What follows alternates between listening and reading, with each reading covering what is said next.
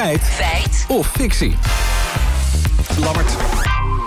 Ik moet zeggen, een origineel onderwerp vandaag. Ja, absoluut. Dronkenschap tijdens het verwekken van kinderen. Ja, in de Nare Jongens-podcast van Bas Paternotte en Jan Dijkgraven... werden de meest recente perikelen van de familie Hazes besproken. En dat zijn er nogal wat. In dat gesprek wordt gezegd dat de kans dat André Hazes senior... normale kinderen kon verwekken, gezien zijn gedrag met alcohol... wel heel klein is. Kinderen zouden zelfs blokhoofden krijgen... als hun ouders dronken zijn tijdens de verwekking. Oké. Dus Ja. we, blijven hier heel, we kijken hier even Ja, heel serieus naar. zeker. Dit suggereert dat dronkenschap tijdens de bevruchting zorgt voor kinderen met een handicap. Ja, en je wil niet weten hoe vaak de liefde dronken wordt geconsumeerd. Dus we vroegen ons af of dat wel klopt. We spraken eerst met gynaecoloog Ruud Bekkers. Die legt eerst ons het mysterie van de zaadcel even uit. Een zaadcel doet er twee maanden over om eh, ontwikkeld te worden.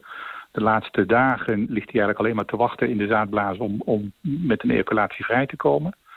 En dan zou die laatste paar uur van alcoholgebruik zou van invloed zijn op de concentratie alcohol in, in dat zaadblaasje. En dan ook nog in de zaadcel. En van die zaadcel alleen het kopje dringt de eicel binnen. Ja, dus hier, hier klinkt al een beetje in door dat je eigenlijk twee maanden non-stop dronken zou moeten zijn. En dan zou theoretisch gezien alcohol in die zaadcel iets hebben kunnen doen. Ja, precies. En het woordje theoretisch is vooral heel belangrijk. Vertelt fertiliteitsarts Grada van den Dol.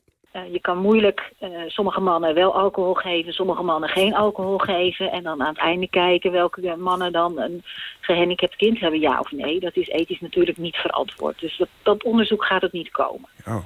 Ja, dus dit is alweer een, een blokkade in ons eh, zeer serieuze onderzoek. Het is Ja. überhaupt niet mogelijk, begrijp ik hieruit, om Nee. dit eigenlijk met zekerheid te kunnen zeggen. Precies, dat onderzoek dat is een beetje moeilijk om uit te voeren. We weten wel dat overdadig alcoholgebruik van vrouwen tijdens de zwangerschap kan zorgen voor inderdaad kleinere kindjes. Maar dat En is alweer meer- later natuurlijk. En dat is tijdens de zwangerschap inderdaad, niet alleen tijdens de verwekking. Eh, maar waar die grens dan precies ligt, ja, dat weten we eigenlijk ook niet, verteld Van den Dol. De Wereldgezondheidsorganisatie die heeft daar een uitspraak over gedaan. Omdat we gewoon niet weten waar de grens ligt. Hebben ze gezegd van het advies wordt gegeven dat als je zwanger wil worden... om helemaal geen alcohol te gebruiken. Oké, bet- better safe than sorry. Dus ehm, goed, wat weten we eigenlijk, eh Lammert, over alcoholgebruik dan even en vruchtbaarheid? Ja, daarvoor spraken we met eh Ninette van Hasselt van het Trimbos Instituut. Er is een hele grote Chinese studie en daarin zie je wel dat er echt meer risico is bij mannen die meer drinken. Eh, op hartafwijking en ook verschillende andere aandoeningen. En dan hebben ze ook gecontroleerd voor het alcoholgebruik van de vrouw. Maar wat je niet weet is of dat nou andere types zijn. Of die op een andere manier omgaan met überhaupt eh, gezondheid.